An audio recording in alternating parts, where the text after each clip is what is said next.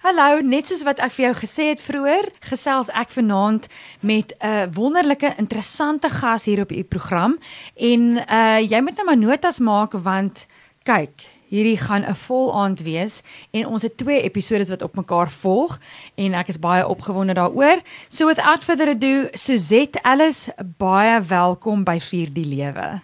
Baie dankie Lise. Ons gaan vanaand gesels oor apologetics en die groot Afrikaanse woord daarvoor is apologetiek.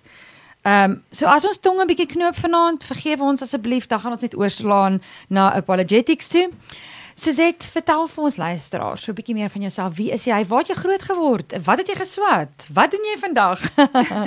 Wat 'n voorreg. Ehm um, ek het 'n paar rolle. Ek is gebore in Pretoria geswat in Stellenbosch en oorsee gewees vir 'n paar jaar in Londen teruggetrek. En ehm um, ja, rolle wat ek volstaan is ek is die vrou van my enigste man Nico. Ek het um, drie geskenke van God. Dis ons mee geseën, 'n seun van 16, 'n dogter van 13 en 'n dogter van 9. Ek is 'n gekwalifiseerde onderwyseres. Is ook 'n besigheidsvrou. Ek het laas jaar my teologie graad deur die South African Theological Seminary klaargemaak, SACT, ja. ja.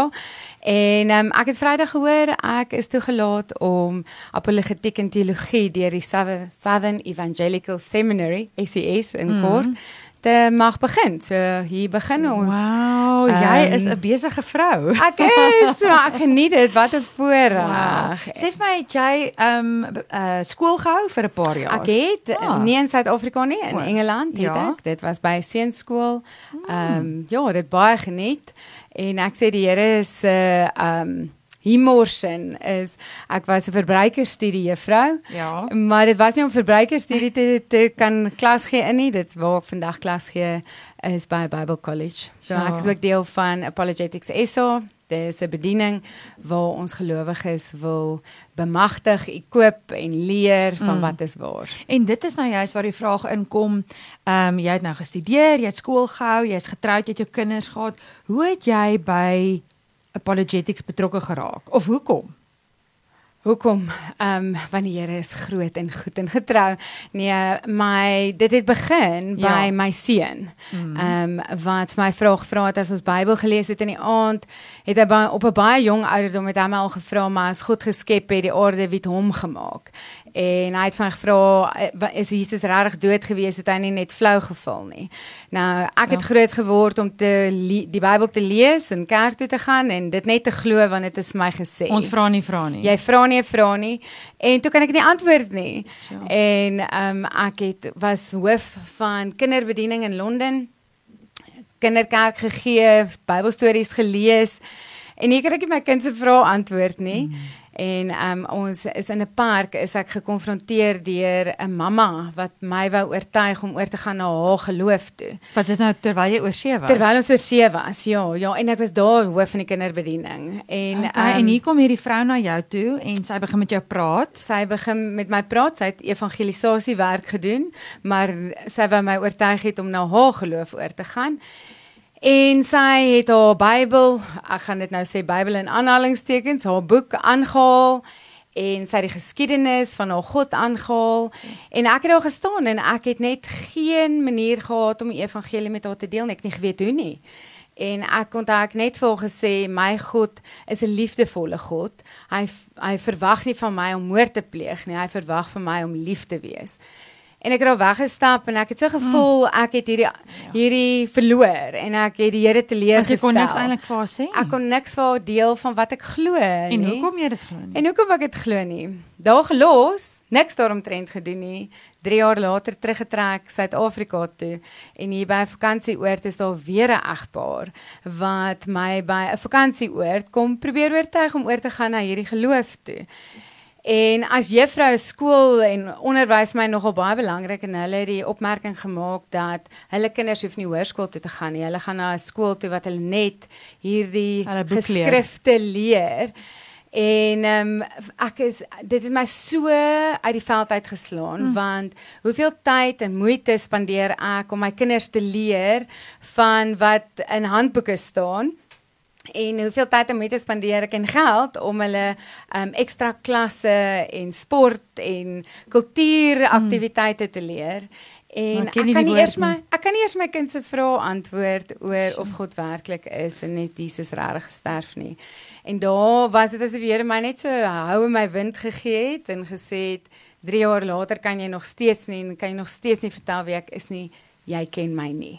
Mm. En dit was vir my so ontnigtering om te weet ek as ek nie eers verander of my kind van kan verduidelik wat ek glo nie. Never mind, skus mm. vir die Engels. Mm en wie ek glo en wie ja. hierdie Jesus is nie. En daar het my my journey begin, my pad begin waar ek toe nou aan by die kerk het ek gehoor daar's 'n Bible College en toe het ek aangesluit mm. en geregistreer en dit was dit was 'n uitdaging want finansiëel kon ons dit nie bekostig het nie tydgewys kon ek dit nie bekostig het nie ek het 3 jong kinders ja, ja. my jongste was op daai stadium 3 jaar oud um, om dit alles te te behartig en daar wat 'n ja. voorreg vandag. So daai Bybelskool was dit spesifiek gefokus op apologetics. Glad nie. Dit is dit was net vir jou 'n vertrekpunt. Dit was 'n vertrekpunt vir um, die eerste jaar. Ek het 3 jaar voltydse Bybelkollege gedoen ehm um, 5 dae 'n week en die mm. eerste jaar is net Bybel. Ons bestudeer net God se woord in in in diepte. Ons, in diepte. Ons praat van inductive Bible study method. Mm. So dis 'n metode wat jy leer hoe om die Bybel te lees en te interpreteer. Mm. En aan die einde daarvan, toe ek sê ek's nou klaar, ek het dit gedoen, ek het gedoen. Ja, jy gaan so 5 keer deur die Bybel ja. en en dit is regtig ehm um, dis hartchirurgie wat jy ondergaan daai mm. jare. En ehm um, min het ek geweet daai wat daai vrou in die parkie en haar egpaar was apologetiek wat hulle met my gedoen het. Ehm um, en toe aan die begin van ons tweede jaar het ek toe nou ek het toe nou tweede jaar toe gegaan. Die hmm. Here het op my hart gedruk, nee, dit is nog nie hier waar jy stop nie. Dis nog nie klaar nie, ja. En toe het ek gehoor van apologetiek vir die eerste keer en soos wat ek gehoor het, toe staan ek daar in verwondering en dink, dit is wat hulle gedoen het ja. en dit is wat ek nie kon doen nie. Nou vir ons luisteraars, um, ek meen dit is so 'n groot woord apologetiek, apologetics. Wat is dit? Wat beteken dit? Nou in baie kort is making a case for Christ. Ehm um, nou die, jy gaan sê die ander gelowe maak ook 'n 'n case vir hulle God. A, hulle ja. God en dis presies dit. Nou ehm um, die baie bekende teksvers wat ons gebruik is 1 Petrus 3 vers 15 en ek gaan dit sommer vir jou mm, lees. Asseblief. Ehm um, in julle harte moet daar net heilige eerbied wees vir Christus die Here. Wees altyd gereed om 'n antwoord te gee aan elkeen wat van julle verduideliking eis oor die hoop wat in julle is. Nou ek wil vir jou wat vir my amazing is uh in die amplified dit ek kom nou hierso. Ja. En dit sê always be ready to give a logical defense to anyone who asks you to account for the hope and the confidence assurance uh, that is within you yet do it with gentleness and respect. Maar die feit is om 'n logiese defense gee. Luister ek en dis presies wat jy sê jy stap jare lank 'n pad saam met die Here maar jy kan nie logiese defens gee van hoekom glo ek wat ek glo nie. Waar staan dit? En ek en jy het van die lig af gepraat. Ehm um, en vir mekaar gesê maar hoekom is gelowiges so bang om vrae te vra? Want ek weet as ek net dink aan my ouers se se geslag, hulle era. Ons vra nie vra nie. Wat die dominee sê en ek vir algemeen nou, maar wat die dominee sê is waar. Dis wet. Hy het 7 jaar geswat, so wie is ek nou om vrae te vra? Asseblief, vra jou vrae. Dit is so belangrik dat ons self die waarheid soek vir onsself en die woord gaan bestudeer vir onsself en ek weet jy ek praat vandag met myself want ek weet nie of ek weet daar seker goed wat ek gaan vir jou kan verduidelik. Maar as jy nou vir my 'n paar basiese goed vra, weet ek nie of ek dit kan oorvertel nie. En dit is presies waar ek was met my seun. Is um ek het hom nie groot gemaak om nie vrae te vra nie. Ek het hom nie groot gemaak om te sê want mamma sê dit nie. Mm. Glo dit of doen dit want ek sê so nie. En um 'n voorbeeld was ek het haar um straighteners mm. en hy het gevra wat is dit verduidelik wat dit is nou, en ek het vir hom sê moenie daarin vat nie, dit brand. Warm, ja. En hy het vra hoe warm en ek sê gaan huil, maar ek het dit nie weggevat nie. En hy het daarin gevat en gebrand en 7 jaar later het sy klein sussie dieselfde vraag gevra en hy het gehardloop en kom sê luister vir mamma dit is waar. Sy praat die Wow. waarheid. En so my kinders vra die vrae. Hulle is kritiese denkers en ons het groot geword om nie krities te dink Mm. te dink nie en dit het ons skepties gemaak. Dit het ons negatief gemaak. En ehm um, vandag word ons gebombardeer met sosiale media. Mm. En vir daai rede, ons ouers het nie groot geword in 'n era wat hulle aan ander ehm um, gelowe blootgestel was nie. Hulle was nie aan ander opinies of sieninge blootgestel nie. So hulle het nie noodwendig gedink hulle het die vraag nodig nie. Nou ek het nie die eerste vraag gevra nie. Ehm um, maar my gedrag het gewys ek verstaan nie die evangelie Mm. nie. En toe ek swaar gekry het en ek weet dit is op jou hart, ons gaan dit ook bespreek, is ehm um, toe ek swaar gekry het, was my reaksie daarop maar God bestaan nie. Hy's nie liefdevol Mm. nie. En dis oor dat ek nie geweet het ek moet vra vra nie en eintlik agter daai het ons 'n baie ernstige vraag reeds um, ongeantwoord. So ja, vra moet gevra word en dit is presies wat 1 Petrus 3 vers 15 sê. Nou, daai defense wat jy van gepraat het, dit is 'n Griekse woord, apologia. Ehm um, en dit word gebruik in 'n wetlike konteks, mm. soos in 'n hof.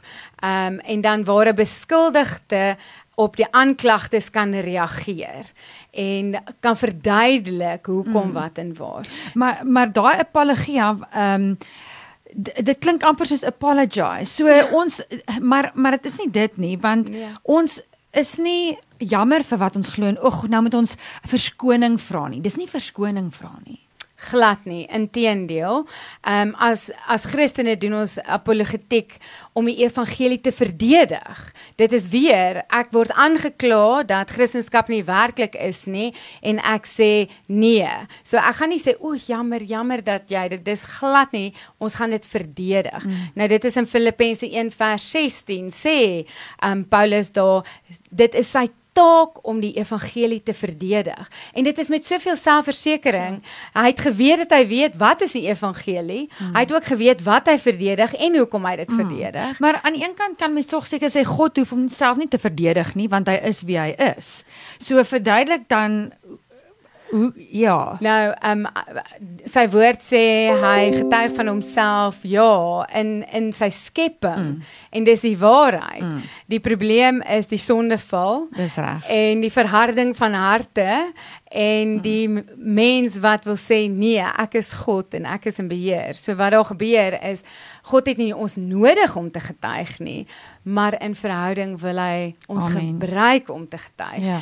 En ehm um, vir my Suzette en so ook vir ander Christene en as ons kyk na die Nuwe Testament se disippels, mm. is hulle het 'n ernstige besef gehad dat Jesus werklik is. En van daarom kon hulle hulle is gedreig om gemartel te word en hulle is ook ehm um, gehang en gemartel en hulle het geweet wat is waar. Nou daai ernstige so ons poging is om ons geloof te verdedig nie oor dat ons moet nie, Dis reg. maar oor dat ons wil. Mm. Nie oor dat God ons nodig het om dit te doen nie, maar oor dat ons wil gaan getuig. Ehm um, en dan as daar besware gemaak word teen Christendom, moet ons reg staan om te sê en dan die wêreld en die sosiale media en waar ons wil wil sê daar is nie hoop nie. Daar is nie 'n rede nie en dit is presies daai teksvers is hoekom het ons as Christene hoop? Ja. Hoekom lyk ons anders? Hoekom maak die saak wat se swaar kry ons beleef? Hoekom lyk ons anders? Mm. En kan ons dit verwoord? Mm. Kan ons kan ek vir daai vrou in die parkie verduidelik hoekom haar geloof as ek sê God is 'n liefdevolle God. Wat beteken dit? Mm. Wat is hoe verwoord ons dit? Mm. En weet jy wat, ehm um, kom ons val direk uh met die deur in die huis met daai vraag. Ehm um, want baie gelowiges vra dit.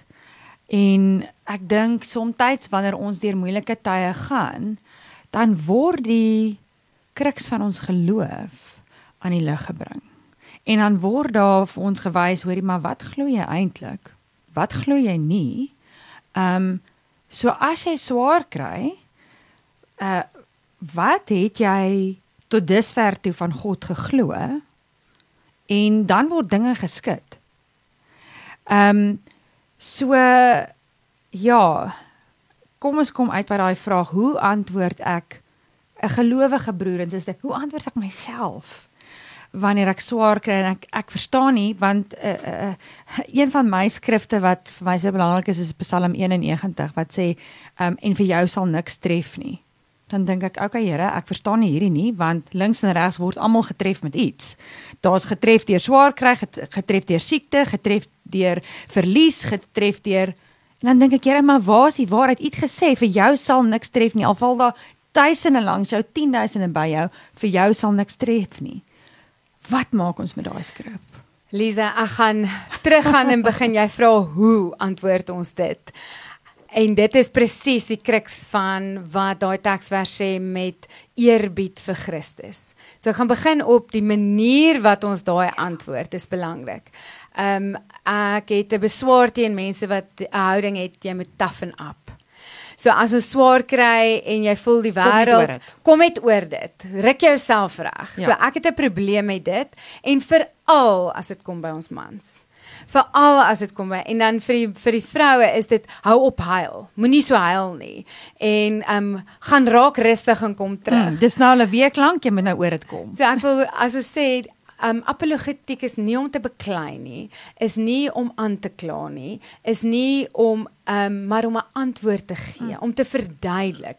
So as ons in swaar kry, swaar kry beleef as Christen om mekaar te bemoedig, dit is apologetiek met waarhede. Ehm um, so ek wil dit net sê en dan wil ek sommer 'n voorbeeld gebruik. My seun kry baie swaar volgens hom as ons nie dink motorfietsry is nie gevaarlik nie. en ehm um, hy wil sommer hy ons dit daai apologetiek wat ons besig is om te doen om te sê wat is waar en reg. Maar ja, ehm um, Paulus sê in 2 Korintiërs 10 vers 4 tot 5 verduidelik hy dat ons wapens in die stryd wat ons voer is nie soos wat mense dit sien nie. Dit is nie met woorde nie, dit is nie met wapens nie. Ons stryd is 'n geestelike stryd. En as ons weet dat dit is 'n stryd wat ons stry en swaar kry en moeilike, dan kan ons daarop reageer met 'n wapen van geloof. Nou, um as jy so redenasies wat ons het, as mense goed vir ons sê, as ons deur moeilikhede gaan, dan om reg te staan en te sê, "Oké, okay, ehm um, kom ek kyk na my swaar kry." Nou jou vraag is baie ehm um, is dit is 'n diep vraag en daar's baie konteks nodig aan jou vraag. Ehm um, en dan die rede hoekom ek dit sê, is ons kry swaar daar's korrupsie. Daar's korrupsie. Die impak daarvan is op 'n hele nasie. As ons kyk na swaar kry, daar's dood. Ons almal kyk na dood. Ons sien dood. Ons weet dit en ons weet ook ons gaan almal dit in die oë staar eendag. Ehm um, as ons kyk na hoe mense met mekaar maak. Ehm um, uit ek hou van die Engelse woord with malicious intent. Mm. Ek het intensie om jou seer te maak en ek het intensie om myself te verbeter en myself mm. um eer te bring.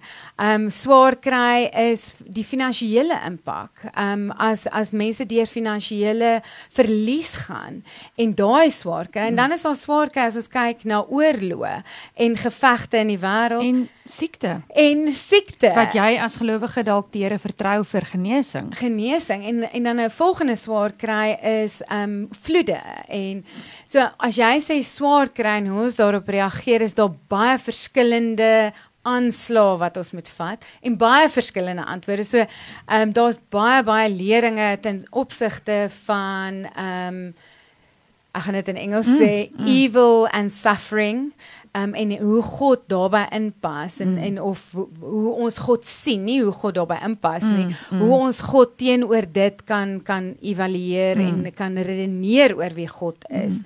Ehm mm. um, en so daar's my advies is ten opsigte daarvan daar is die loof wat al baie geskryf het mm. daaroor. Suzette se kort, baie kort en baie oppervlakkige antwoord is die sondeval het 'n impak. Mm. Van daai sondeval waar Adam en Eva gesê het ons gaan God se woord in twyfel trek mm. en ons gaan 'n sterkie aanlas. Van daar af het sondeval 'n impak en speel dit uit op verskillende maniere. Yes. Nou maar maar wat sê dan vir jou vriendin oor God se die waarheid van sy woord. Ehm um, wanneer hy sê vir jou sal niks tref nie. Obviously ek speel nou devil's advocate. Ja ja ja. Want ehm um, daar's baie dinge as jy gaan kyk na Psalm 91, jy kan nog nie alles letterlik vat nie. Daar's baie simboliek daar. As die woord sê jy sal op 'n slang trap of jy sal op leeu's en adders trap. Watse watse mens het al in die werklikheid op 'n leeu getrap? Jy kan nie op 'n leeu trap nie. Nie as 'n mens fisies nie. So daar's diepere konteks daarin en simboliek daarin. Maar hoe bemoedig ek iemand wat voel maar God het hom teleurgestel? En en ek weet jy sê nou weer daar's baie konteks, maar eers moet 'n mens tog kan begin soos wat jy sê met 'n boodskap van hoop of ehm um, ja, hoe bemoedig ons mekaar? Die probleem is in die teologie as ons dan kom by as ons deur swaar kry gaan, het God ons teleurgestel. Want dit is nie die ware teologie nie. Dit is nie God wat ons teleurstel nie. Dit is nie God wat veranderbaar is nie. Dit is nie God wat nie vertrouenswaardig is nie. Dit is die impak van sonde. Nou 'n voorbeeld wat ons gebruik is 'n mot en of ek gaan roes as die voorbeeld gebruik is ons kan nie roes beskryf as ons nie 'n metaal het nie. Nou staal is wonderlik. Ons hmm. samelewing sou nie kon funksioneer sonder staal ja. nie. En ons weet as die staalfabrieke toemaak en het dit 'n impak op ons ekonomie hmm. en ons samelewing. Nou, ehm um, roes is iets slegs wat ons nie op staal wil hê nie. En dit verander staal dat staal minder goed is mm. en swak is. Nou dis die impak wat sonde op mensdom het en op skepping het. So die die skepping is goed. God se wil is net goed. Maar die impak wat sonde het is sleg mm. en seer en breek af. Nog 'n voorbeeld is 'n mot is wol. Wol is 'n fantastiese materiaal. Ons maak pragtige klere daarmee. Maar jy kan nie 'n gat in 'n trei verduidelik sonder om 'n mot te hê nie. Ja. En daai mot wat daai wol eet en 'n gat veroorsaak en dan is die waarde van daai trei, is die trei is nog steeds bruikbaar maar hy het 'n gat in. Mm. Nou sonde se impak mm, is dit. Mooi gesê. Nou my antwoord vir my vriendin is God het jou nie teleurgestel nie. Vertrou hom, staan nou op en dan is dit kom dit by ons het 'n almagtige God wat mm. kan genees, wat kan kom herstel, wat kan kom oprig, mm. wat kan gen, en en dan as ek sê herstel is nie net eers daai trei oormaak, regmaak nie, dis daai trei oormaak. En in 2 Korintiërs praat God van ons is 'n nuwe skepping. Mm. So ons gaan van van 'n sondebevlekte, stikkende gebroke mm. in watse suffering jy dan nou ook al watse teleurstelling jy nou ook al het, dat God jou kan kom genees en verander en herstel en oprig. Um my voorbeeld en dis Dr. Reisher wou um as ek 'n vriend kon bel in hierdie gesprek het ek hom gebel, hy's net in Amerika. Ehm um, hy het 'n bediening in apologetiek en hy's een van ons dosente en hy was nou by ons vroue konferensie mm. in Maart. En hy het gesê dit is hy het 'n dier gebruik en ek kan nie onthou die die metafoor wat hy gebruik nou ek wil sê dis nie 'n slang wat bene kry nie. Mm. Dit is 'n slang wat verander na 'n 'n pragtige voël toe. Mm. En ehm um, dit is presies wat ons is. So God kan ons in ons swaar kry en dan saam met swaar kry, hoekom ek dit sê as al die mm. daar's 'n rede vir almal en daar's 'n verduideliking aan, aan al die swaar kry en die aansag is anders. 'n mm. Voorbeeld wat jy nou sê die vriendin se mm. teleurstelling mm. vir my is dit hang af wat was haar teleurstelling om dan haar te bemoedig met waarhede. Mm. En ehm um, God kan kan herstel. God ja. kan kom vernuwe daar en o, dis skus ek I've lost my train of thought there. Wat ek wou sê ten opsigte van swaar kry, die samelewing het sekere verwagtinge van ons. So 'n ekonomiese teleurstelling sal ek dan nou sê is wat is die samelewing heg waarde aan mm. baie geld. Mm. Soos in 2 Korintiërs waar Paulus gesê het, omdat ek nie baie geld het nie en ook nie van julle vra om my te betaal mm. nie, beteken nie ek is 'n waar nie 'n ware apostel nie. Mm. Um, ons word so groot in 'n samelewing of ons sien dit veral in sekere ander kulture in Suid-Afrika waar as jy baie baie mooi kar ry, dan dan is jy geseën en dan um, is jy onder leiding van die Heilige Gees mm. en dan seën God jou, dan word jou gebede verhoor. En dit is nie waar nie, dis teologies weer die glad nie die waarheid mm. nie. Um Paulus was 'n tentmaker. Ja. Jesus was 'n skrynwerker, mm. carpenter se seun.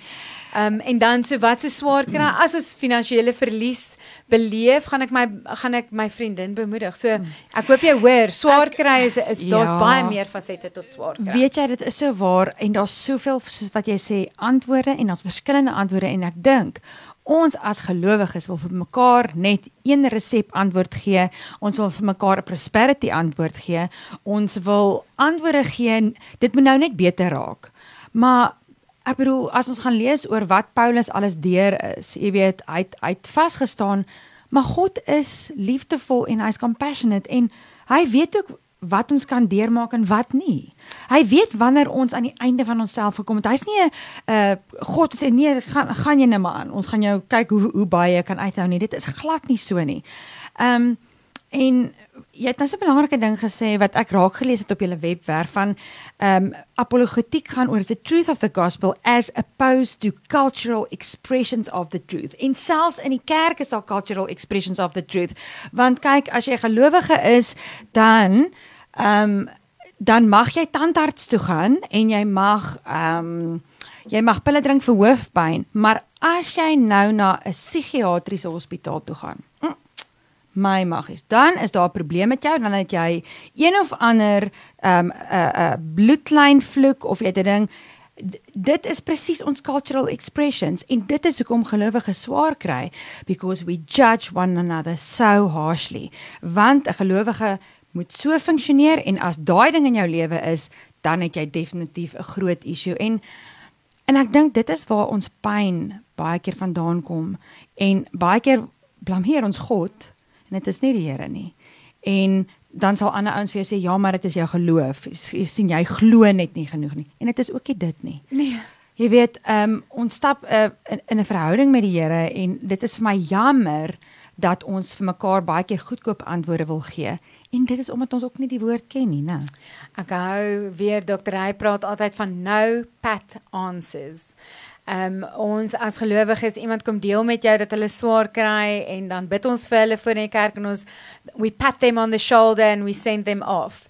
Ehm um, ek hou ook daarvan om te sê we don't bible bash people. Mm. So uh, baie keer hoor jy dat mense sê maar die Bybel sê en die Bybel sê en die Bybel sê en hierdie teks daar sê en dan haal mense dit uit konteks uit. Hulle verstaan self nie wat dit beteken nie, maar oor dat daai woorde daar staan dan gebruik hulle dit en jy Ons het nodig om te weet wat beteken dit. Ja. Ons het nodig om te weet in konteks mm. wat het dit beteken. En ehm um, ek het in my tweede jaar toe is my seun gekonfronteer by die laerskool deur 'n dogter wat gesê het 'n vrou mag nie bo op die ehm um, kansel staan nie. Hulle mm. mag nie preek nie. Hoekom swat jou ma teologie? En daai konteks wat sy het, is 'n teologie mm. wat nie waar is nie of sy verstaan nie die konteks waarin dit nie en daai in daai kultuur was dit baie relevant mm. en nie. Nou, ehm um, wat belangrik is en ons sien dit nou ook in Amerika, hulle praat van progressive Christianity. Mm. Wat gebeur is Christene vat die waarheid en verdraai hom so bietjie dat dit hulle um, pas dat dit vir hulle gemaklik is dat dit is dat dit hulle sonde pas. dat hulle sonde pas, hulle kultuur pas. En dit is nie waar nie. Ons mm. as Christene het nodig om apologetiek te doen, apologetics te doen. Dat ons die waarheid op staan, dat ons dit nie verander nie, mm. maar dat hoe ons dit aanbied verander. Sure. En dat wat ek daarmee bedoel is 'n voorbeeld is hoe ons preek en wat ons preek wat ons preek verander nie. Dit is hoe die aanslag is. Mm. So sosiale media het so ontwikkel en dan het ons kerke het agtergebly. Ehm um, so vir ons, dit is presies mm. apologetics SA is dit om dit aanlyn te kry, om mm. dit live streaming ons konferensies te doen. Mm. En en jy sien dit is uh, vir my wonderlik as ons sien die gemeentes wat deesdae dit op YouTube en op mm. Twitter en waar ons waarhede daar buite uitkry, nie mm. net in die kerkgebou nie. Nou, uh, om terug te kom na na apologetiek, ehm um, wil ek jou vra wat is die verskil tussen apologetiek, apologetics, uh evangelisasie en teologie? Want in 'n manier kan dit vir mense klink, o, maar is dit dieselfde? Jy weet, maar ehm um, daar mag dalk verwantskappe wees, maar wat is die verskil? Nou, ek wil net gou-gou teruggaan. Mm. Skus, ek is bang ek sê dit nie. Daar's 'n baie ehm um, C.S. Lewis het 'n boek geskryf ehm um, oor um, relevantheid van pyn. So ek wil weer net sê gaan O, lees op oor oor pyn, oor suffering. Um, nou Ag Lise vra my weer. Uh nee, dit is reg. Uh, ek gaan myself nou ook in die rede van sê wat is daai boek se naam van C.S. Lewis as iemand dit wil gaan lees of het jy dit nie nou by jou nie. The problem of pain. Oh. Goed, The so as jy as jy net gou-gou daar 'n pitstop wil maak in ons gesprek vanaand en wil neerskryf as dit vir jou ook iets is waardeur jy worstel. Dit is 'n boek C.S. Lewis um en die titel is The Problem of Pain. Yes. Goed, kom ons gaan terug na die vraag toe en uh die vraag is wat is die verskil tussen apologetics, evangelisasie uh en teologie en en en is daar hande wat Hoe gevat? pas dit by mekaar? Mm. Nou, apologetiek is die verdediging van ons Christelike geloof. Mm. Nou en evangelisasie en en apologetiek is baie nou verwant. Yes. Ehm um, want daar hulle het 'n gemeenskaplike doelwit. So hulle wil sê Jesus is waar Amen. en dit is hoekom hy waar is en dit is die hulle moedig gelowiges aan om dit te Ja. glo. Ehm um, en dan hoekom hulle dit kan glo. Ehm um, tydens die aanbieding van 'n uh, evangelie doen ons eintlik apologetiek. So ehm um, apologetics is waar ek dit verdedig. So ek hmm. sê dit is wie Jesus is as ek die evangelie deel en dit is hoekom ek in hom glo. Hmm. So dis hoe nou verwant apologetics in die evangelie. So evangelisasie we werk is om te gaan deel, maar deur dit te doen gaan verdedig jy Jesus. Absoluut. Ehm um, so dit is hoe naby hulle aan mekaar is en en dis belangrik dat ons as Christene weet hoe. Ja. So as ehm, 'n 'n volgende vraag wat ek hoop ek kan antwoord en nou sommer sê is wie doen apologetiek? Mm. Almal wat gelowiges is. So as jy met ander gaan deel wie Christus is en die werking van Christus mm. in jou lewe, is jy besig om hom te verdedig, dan is jy besig om apologetiek te doen. Dan teologie. Nou, dit is nogal belangrik dat as jy die waarhede van Jesus deel, dat dit die waarhede is van Jesus wat jy deel. Mm. Dat die lering wat jy deel waar is. Want as ons 'n lering het van ek kry swaar en dis God wat dit vir my wens en ons mm. praat dit, want ons praat dit. O, net in ons vra wat ons vra, stel ons ten beeld dat jy nie verstaan mm. wie God is nie. Mm. En as ons nie verstaan wat is waar nie, hoe kan ons onderskei wat is waar? Dan kan ons nie onderskei dat God waar is nie en ook nie reg staan om te sê hoekom ons sê hy is waar nie. En dan kan ons nie kom by sy woord is waar Mm. en Jesus is waar nie. So om by daai plek te kom van is die woord waar Jesus is waar. Ehm um, dit is die begin of die wegspringpunt van apologetiek, is dit reg? Glad nie. Nee. Nou daar's verskillende maniere van apologetiek doen. Mm. Ekskuus, apologetics doen. Yes. En daar's eintlik 3 maniere. Ja. Nou, ehm die eerste en dit is presuppositional, skus, ek gaan dit nou in Jy kan maar in sê. Engels sê dis reg? Presuppositional apologetics is waar um, hulle presuppose die Bybel is waar. Okay. So hulle sê die um Bybel is die autoriteit ja. en as jy dit nie glo nie, dan is jy eintlik net sondig. So jy moet jou sonde bely en jy moet die Bybel glo. Nou goed, daar's waarheid daarin want die die Bybel is waar. Die Bybel is waar. Ja. Nou die probleem wat ons het vandag is dat dis nie vir almal waar nie. Mhm. So ja, ons het gekom by is die Bybel waar?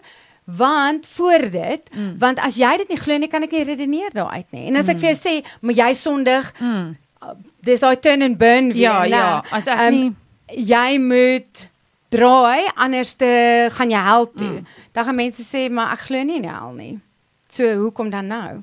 En ons word blootgestel aan ander leringe, ander gelowe en hulle gaan nie, ons kan nie begin by presup presuppose die Bybel is waar nie. Mm. En vir daai rede toe ek my seun die vraag gevra het, kon ek net antwoord want die Bybel sê so. En hy het gevra, maar is die Bybel nie net fiksie nie, soos Mhm. sy storieboek wat hy lees nie. Op grond waarvan hoe weet ek wat die, die Bybel is waar? So presup, daar is plek vir presuppositional apologetics.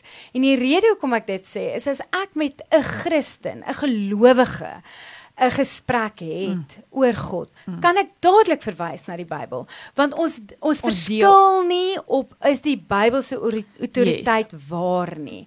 Ons verskil oor die lering daarvan. Alraight. So daar is plek daarvoor. As Christene kan ons net nie altyd daar mm. begin nie. En dan die volgende ehm um, is experiential ek uh, experiential, nee. Uh, ja, jou ervaring. Ervaring van. Ehm um, nou vir my is in veral in Suid-Afrika en ook dan nou in Amerika sien ons dit ook, is dit jou ervaring, jy het 'n ervaring, 'n ontmoeting met Christus wat wonderlik is. Dit is dit vat jou asem weg en dit is net hierdie wonderlike geleentheid en jy glo en jy weet dat jy mm. glo maar dit hou nie. En en die punt is dit is weer soos wat ons sê, daar is plek vir dit. Want ons het oomblikke wat ons regtig waar so bewus is van die Here se teenwoordigheid, want hy is die heeltyd hier. So dit is net ons wat in daai oomblik baie meer bewus is van hom of 'n aanraking van hom ervaar het, maar as ek my geloof net op ervaring gaan bou, dan gaan dit baie vinnig tekort skiet nie waar nie. Want as ek dan nie ervaring op ervaring op ervaring het nie, dan gaan ek my geloof begin bevraagteken. Nou wat daar gebeur is dit is 'n interne subjektiewe opinie wat gevorm word. Ek voel en daarom is dit waar. Nou dit is presies wat die wat teen Christendom praat sê ek voel nie Christendom is nie en oor dat ek dit nie voel nie is dit nie waar nie en oor dat ek nie dieselfde opinie as jy het nie is dit nie waar en oor dat ek dit nie sien nie is dit nie waar nie hmm. so dit is al jou ook 'n gevaarlike dit is 'n 'n term wat hulle sê ja, your truth is true to you and my truth is true hmm. to me wat dan nou hoe redeneer ons as iemand sê maar dis jou truth dan sê so uh hoe dan nou so dan dis die tweede nou ek het 'n ervaring gehad op die ouderdom van 16 dat Jesus werklik ek het die evangelie gehoor mm. en ek het geweet dat ek wil deel wees ja. van daai koninkryk. Dit was 'n wonderlike ervaring. Later is my ouers geskei en het my wêreld te mekaar geval en toe ek swaar gekry het, het ek gewys maar ek verstaan nie die evangelie mm. nie.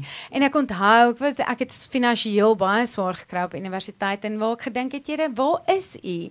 En jy sal nie glo nie jare later toe besef ek maar, "Hi, nou dat ek terugkyk, is ek het 'n werk gekry as 'n kelnerin en ek het nooit weer nie werk gehad nie. Die Here het daai 'n kreet van my hart gehoor, maar in die hitte van die oomblik, in daai oomblik het ek dit nie. Maar dis toe ek nie meer goed voel oor die ervaring wat ek gehad het op die ouderdom van 16 nie. Toe toe my gevoel is verwerping. Toe my gevoel is ek's alleen. Ja. En toe my gevoel is God is nie by my nie.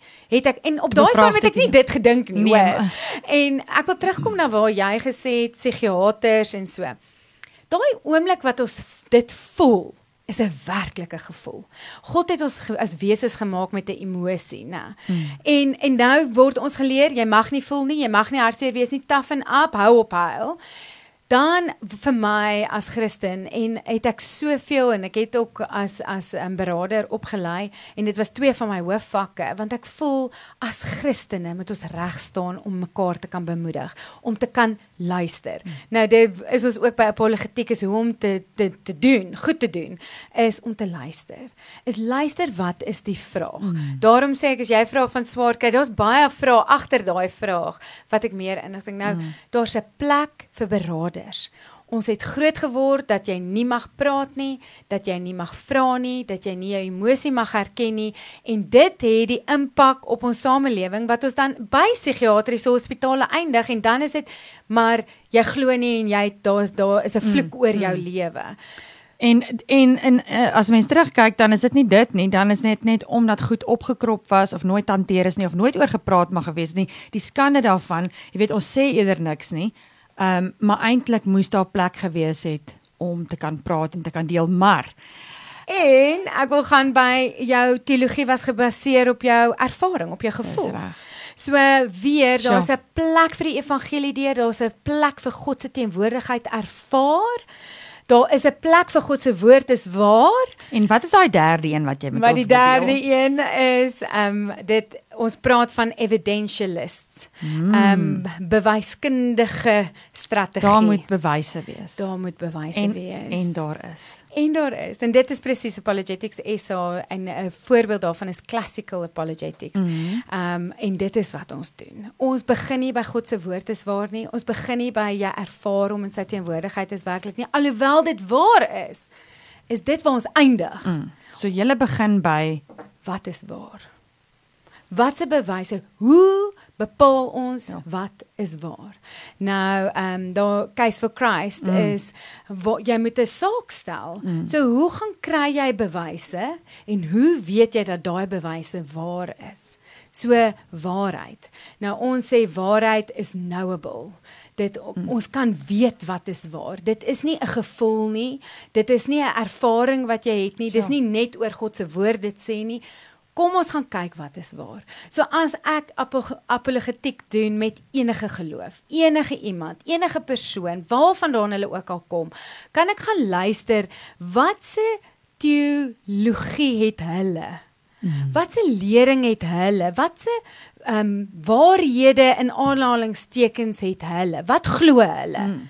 En dan kan ek gaan en sê, "Oké, okay, jy glo dit, maar hoe weet ek dit is nie waar nie?" Want waarheid of truth corresponds with reality. Amen. Die waarheid is korreleer, dit is Daar's feite met wat werklik is. Ja, as ons gaan kyk na ehm um, jy as luisteraar hoor ons praat nou die hele tyd oor The Case for Christ en dit is 'n boek en 'n film van 'n uh, joernalis met die naam van Lee Strobel wat 'n ateïs was. Hy het nie geglo nie en toe het hy 'n Case for Christ gaan maak en een van sy kollegas het hom uitgedaag en gesê net maar toe, jy kry altyd die feite oor al al jou ander sake wat van 'n uh, 'n Case for Christ. So as jy dit wil gaan lees of gaan kyk, ek wil jou aanmoedig, jy sal nie spyt wees nie. Nou die rede hoekom ons dan nou twee episodes het, uh Suzette, is omdat ons nou al omtrent uitgehardloop het uit ons tyd uit en daar's nog baie dinge wat ons met ons luisteraars wil deel. So, ehm um, wat is jou laaste uh brokkie inspirasie wat jy wil los voordat ons laat oorstaan tot volgende Sondag? Maak seker dat jy weet wat is waar.